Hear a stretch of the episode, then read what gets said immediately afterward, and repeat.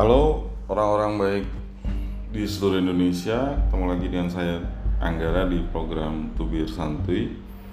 Kali ini saya mau membicarakan soal dinar candy, eh, tapi tidak bicara spesifik soal eh, dinar candy-nya, tapi saya mau berbicara soal bagaimana hukum sebaiknya merespon eh, aksi berbikini yang dilakukan oleh dinar candy.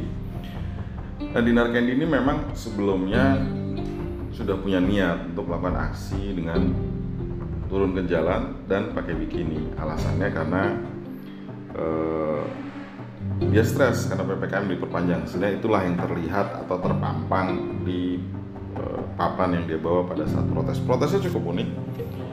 Uh, dia melakukan protes itu dengan uh, berbikini.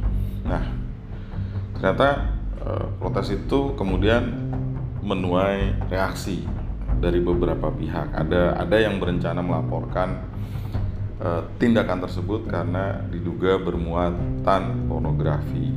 Nah, tapi uh, protes aksi protesnya sebenarnya kalau protes biasa sih ya mungkin uh, biasa saja ya dan pesannya juga sebenarnya pesan biasa yang uh, kalau orang biasa ya mungkin akan tenggelam dengan pesan-pesan lain dan mudah sekali kemudian pesan itu di di kalau menggunakan kalimatnya mantan menteri kelautan kita ya Ibu Susi saya tenggelamkan gitu. Jadi pesannya mudah sekali tenggelam. Tapi intinya sebetulnya apakah hukum bisa merespon uh, protes uh, yang cukup unik ini? Kalau melihat undang-undang pornografi sebetulnya spesifik sekali ya eh, bagian-bagian tubuh mana yang dia harus eh, terlihat sehingga dia bisa dijelat oleh undang-undang uh, pornografi. Nah, bagaimana kalau misalnya pertanyaannya bagaimana kalau dijerat oleh pasal-pasal kesusilaan di KUHP? Nah, memang uh, by definition memang kita harus melihat lagi apakah berbikini di tempat umum itu merupakan perbuatan yang terlarang atau melanggar norma.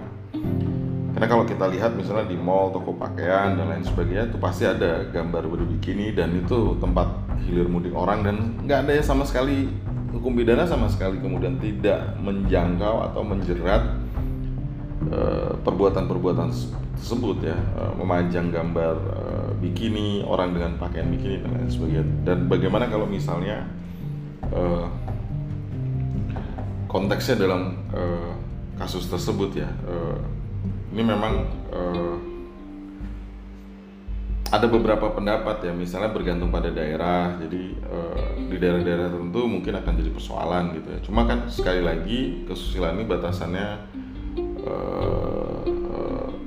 juga sangat luas dan sangat subjektif sehingga bisa jadi dia akan berbeda karena itu sebetulnya yang harus diperhatikan uh, sebetulnya di, apakah uh, menggunakan bikini di tempat umum itu bagian dari perbuatan terlarang atau melanggar norma. Kira-kira demikian pembahasan kita kali ini soal protes ini yang dilakukan oleh Dinar Candy.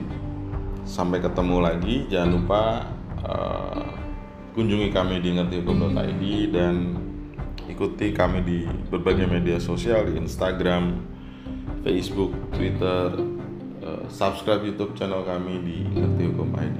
Sampai ketemu lagi.